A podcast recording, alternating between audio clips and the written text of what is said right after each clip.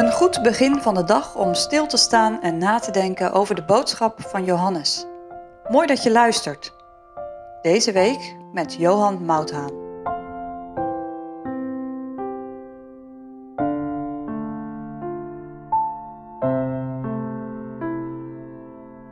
Het onderwerp voor vandaag is leugen en verleiding. En we lezen daarbij uit het vervolg van de tweede Johannesbrief, de versen 7 tot en met vers 13. Gisteren ging het over waarheid en liefde en ging het over hoe belangrijk een heilig leven is. Vandaag lezen we dus verder in de tweede brief van Johannes en horen we over een belangrijke waarschuwing. Ik lees de versen 7 tot en met 13 voor. Want er zijn vele verleiders in de wereld gekomen die niet beleiden dat Jezus Christus in het vlees gekomen is. Deze is de verleider en de antichrist. Zie toe voor uzelf dat wij niet verliezen hetgeen wij gearbeid hebben, maar een vol loon mogen ontvangen. Een iegelijk die overtreedt en niet blijft in de leer van Christus, die heeft God niet. Die in de leer van Christus blijft, deze heeft beide de Vader en de Zoon. Indien iemand tot uw lieden komt en deze leer niet brengt, ontvangt hem niet in huis en zegt tot hem niet, zijt gegroet. Want die tot hem zegt, zijt gegroet, die heeft gemeenschap aan zijn boze werken. Ik heb veel aan uw lieden te schrijven, doch ik heb niet gewild door papier en inkt. Maar ik hoop tot uw lieden te komen en mond tot mond met u te spreken, opdat onze blijdschap volkomen mogen zijn. U groeten de kinderen van uw zuster, de uitverkorene. Amen.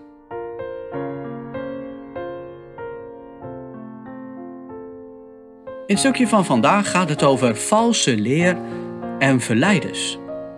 De apostel waarschuwt voor valse leer. Valse leer is een sluipend, dodelijk gevaar. Je merkt dat aan de woorden van de apostel. Hij spreekt over veel verleiders en hij verbindt deze vele verleiders aan de verleider, de antichrist. En daar blijkt ook uit wat het doel van deze verleiders is. Zij willen Christus zijn eer ontnemen, zijn koninkrijk bestrijden en iets anders daarvoor in de plaats stellen. Het gevaar van valse leer blijkt niet alleen uit de woorden van de apostel, maar ook uit de effecten daarvan op je eigen ziel. Wie valse leer volgt, kan niet zalig worden. Lees maar in vers 9. Wie afwijkt van de waarheid, die hoort niet bij God. Die leeft nog voor eigen rekening en kent de ware God niet, die zich openbaart als Vader, Zoon en Heilige Geest. En tenslotte, Johannes wijst er ook op dat op Gods knechten valse leer een pijnlijk effect heeft. Als mensen valse leer volgen, dan hebben Gods knechten voor niets gepreekt, gebeden en de weg gewezen. Het is allemaal verloren werk geweest. En dat raakt de apostel. Luister maar hoe hij het zegt in vers 8. Zie toe voor uzelf dat wij niet verliezen hetgeen wij gearbeid hebben, maar een vol loon mogen ontvangen. Het is alsof hij zegt tegen de gemeente: laat dat toch niet waar zijn. Zie toe, laat dat niet gebeuren. Wees ervan verzekerd dat Gods knechten zo ook naar jou kijken, met een liefdevolle bezorgdheid. Zal het te vergeef zijn? Laat dat toch niet zo zijn. De apostel geeft ook iets in deze brief om je tegen valse leer te wapenen. In vers 7 lees je een hele korte samenvatting van de leer van Christus. Johannes schrijft: Want er zijn vele verleiders in de wereld gekomen die niet beleiden, en dan komt het, dat Jezus Christus in het vlees gekomen is. Apostel zegt dus eigenlijk: om te weten of je met deze valse leer te maken hebt, moet je kijken naar wat er over de Heer Jezus gezegd wordt. En dat hele korte zinnetje dat Jezus Christus in het vlees gekomen is, is echt een goudmijn en het loont de moeite om daar even wat langer bij stil te staan. De apostel zegt Jezus Christus. Dat zijn heel bekende woorden voor ons, maar ze zijn een beleidenis op zich.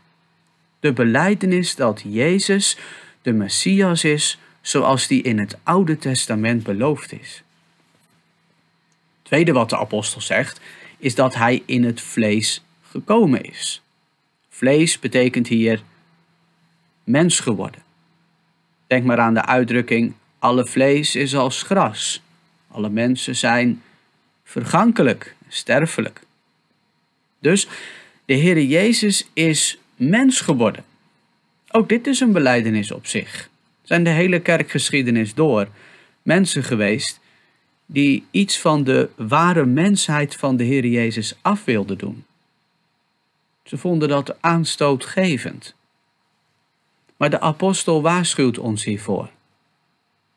En als je goed leest, dan merk je dat er ook nog een derde punt in dit hele korte zinnetje zit. Als de Heer Jezus in het vlees gekomen is, dan was hij dus eerst niet in het vlees. Er was dus een tijd dat de Heer Jezus er wel was, maar dat hij nog geen mens was geworden. En dat is ten diepste de beleidenis van de ware godheid van de Heer Jezus. Dat is echt een heel belangrijk punt. Het hele evangelie leunt op de godheid van de Heer Jezus. Denk ook maar aan zondag 5 en 6 van de catechismus. En als we dit korte zinnetje samenvatten in onze eigen woorden, dan staat daar dus eigenlijk: De Heer Jezus is de beloofde Messias, die echt God is, echt mens werd en echt God bleef. Tot slot maakt de apostel zijn waarschuwing concreet. Als iemand valse leer brengt, neem van zo iemand radicaal afstand. Luister niet naar zo iemand. Ontvang hem niet in huis en wens hem ook niet het goede. En we kunnen deze lijn zo doortrekken naar vandaag. Valse leer komt misschien nu op een hele andere manier bij ons binnen. Bijvoorbeeld via social media, filmpjes, sprekers op conferenties. Maar ook nu vraagt de Heer daar radicaal afstand van te nemen. Vertrouw je ziel niet toe aan de eerste de beste, maar juist aan hen die blijven in de leer van Christus. Zorg dat je dicht bij Gods woord leeft. Wees er vertrouwd mee. Heb de Heere lief en leef voorzichtig. En wil je weten hoe weerbaar je bent? Weerbare christenen zijn standvastige christenen. Hoor jij daarbij?